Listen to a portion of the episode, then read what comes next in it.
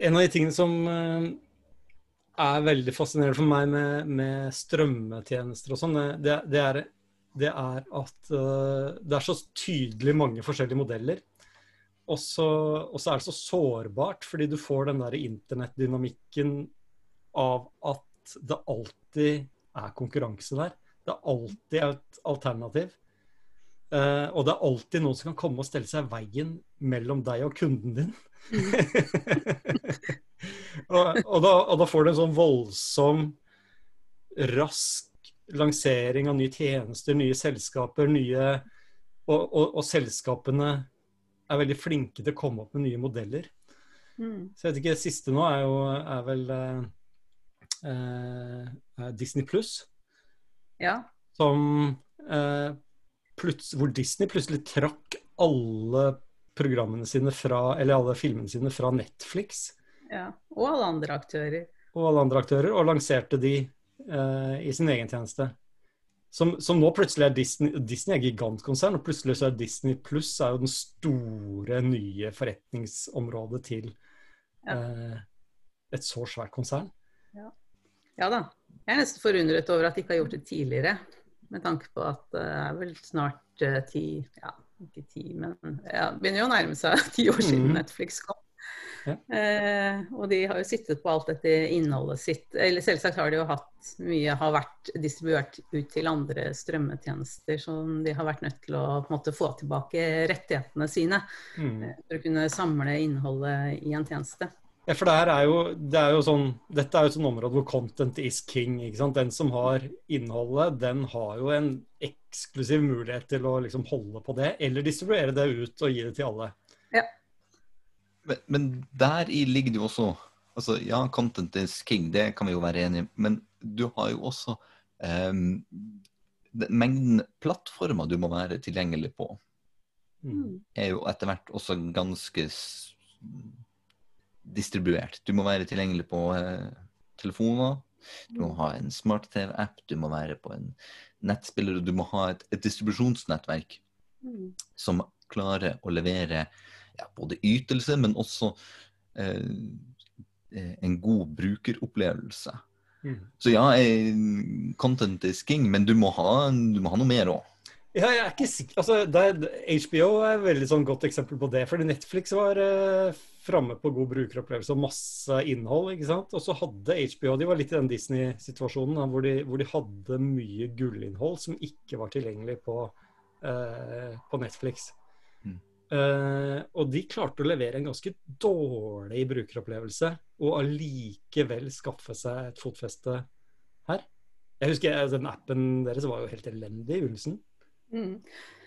Ja, eh, samtidig så Ja. De, og de kommer fra en helt annen bakgrunn enn Netflix. Og Netflix er i større grad et Eller de er jo et teknologiselskap og er kjempegode på å bygge anbefalingsmotor, og, men startet opp med mye gammelt innkjøpt innhold. Det var jo ikke det nye attraktive innholdet. Mm. Eh, men, men der, eh, ja, så, sånn sett så har vel HBO litt sånn mer samme som Disney. Disney har kanskje tatt seg bedre tid på å bygge en god infrastruktur og en god sånn teknisk tjeneste å levere innholdet sitt på. da. Mm. Eh, så, ja, det, men det... HBO har vel gått også kanskje mer i ja, mer partnerskap med andre, så det er kanskje en avveining om, om man skal være sin egen distributør rett til kunden eh, hva man satser på der. Eller, For det er vel også forskjell mellom HBO og HBO Nordic? Ja, HBO Nordic er jo det vi har i Norge. HBO har vi vel ikke egentlig i Norge. Ikke sant. Så, og etter det jeg har hørt fra de som eh, har brukerkontoer på andre sida av dammen, så er vel den brukeropplevelsen eh, adskillig bedre. Ja, det kan jeg forestille meg. og, og, og, kan oppleves som eh, sånn, Man har sett noe på brukerforumene på nett så er liksom det higen etter å få den amerikanske versjonen til Norden. Jeg vet venner. ja, ikke, ikke sant? Så, men det enda, så blir jo distribusjon blir jo viktig. Du må få innholdet ditt ut. Og da er jo, når vi først er inne på HBO, de har jo valgt en modell med mye partnerskap. Ja, ja da, det har de. Og det er jo en eh, Ja, det, det, er jo en modell som sikkert flere også kommer til å kanskje velge etter hvert. Eh, fordi det gjelder, For alle disse tjenestene jo gjelder jo det samme. at du, De er avhengig av volumer, enten det er Netflix eller Disney eller HBO. Det, du er nødt til å ha mange brukere. Så, mm. så det er jo, gjelder jo bare å finne den måten som eh, hvis du får alle nok brukere direkte til din tjeneste, så er det greit. Men på et eller annet tidspunkt så må du kanskje begynne å se på andre måter å, å nå mm. ut til kundene på. Ja, for det er også dette med å åpne opp og samarbeide med mange, eh, ikke være eksklusiv, eh, er en velkjent, eh, en velkjent strategi for å vokse fort. Ja. Og for å nå ut til, til brukere i hele verden.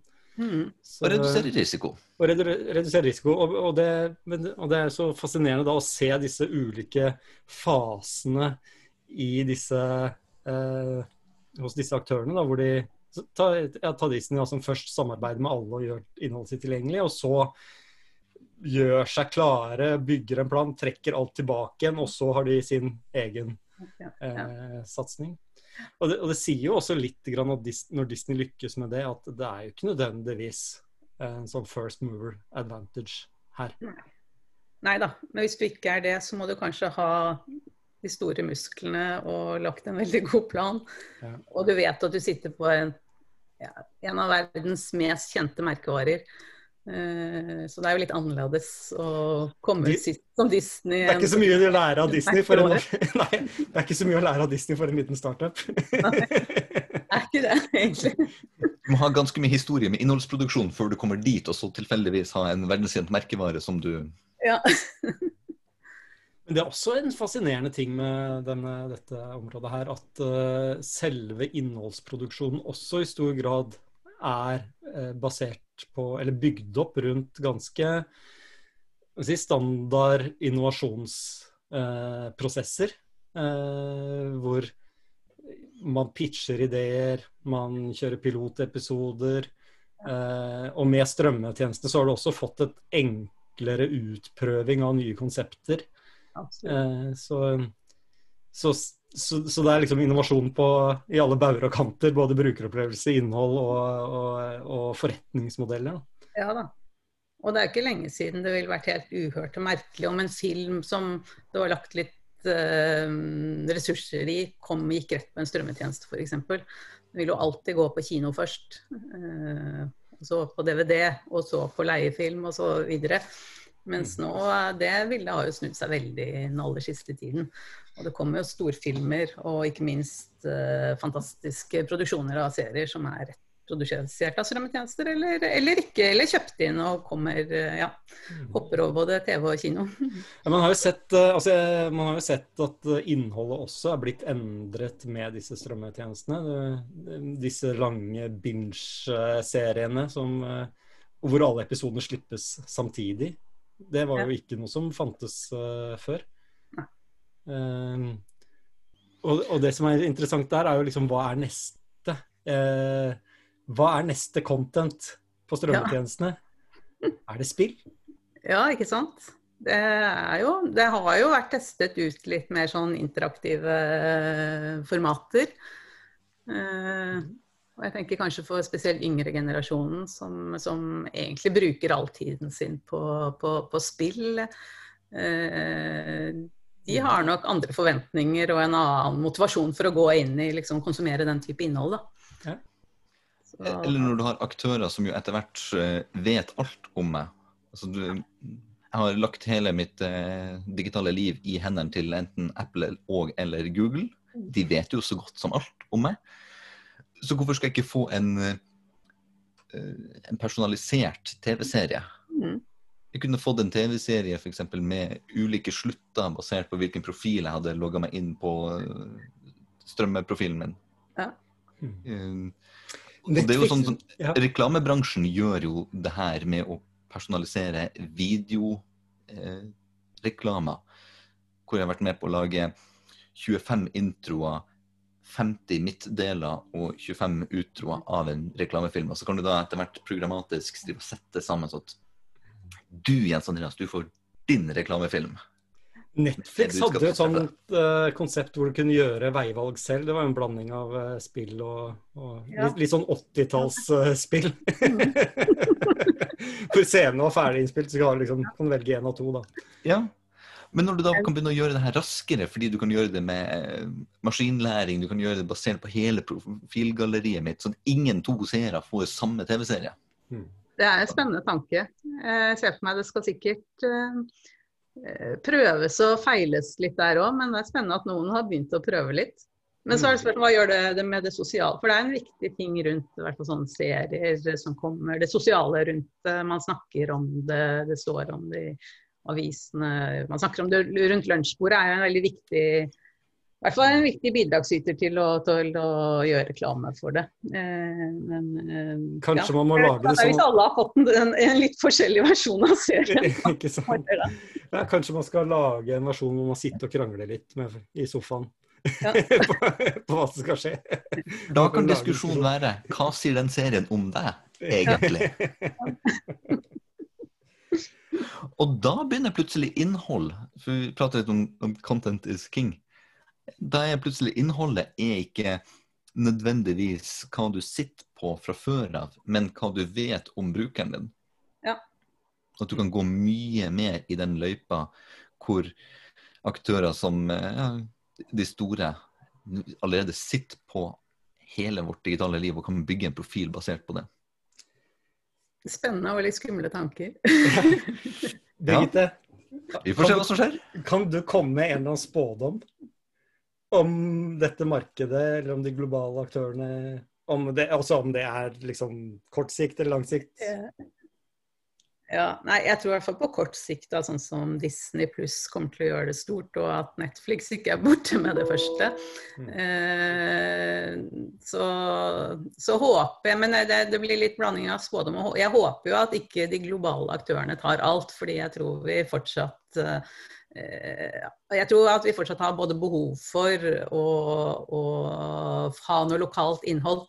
Eh, så det er behov for lokale tjenester også. Mm. Men hvis vi skal komme en spådom, så tror jeg at f.eks. For, for Disney, da, de sitter jo på mye gammelt innhold. Det er jo gamle eh, mye Altså det lages jo noe nytt, men veldig mye er jo gamle klassikere, gamle og de er gull og diamanter som de sitter på.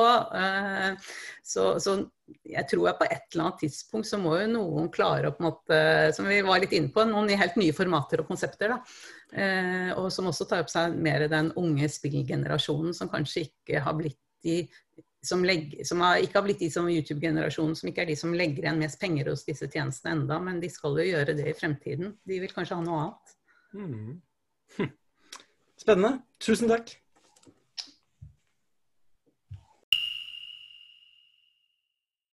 Drypp er en lavterskelpodkast fra Beck, hvor vi diskuterer diverse temaer som interesserer oss.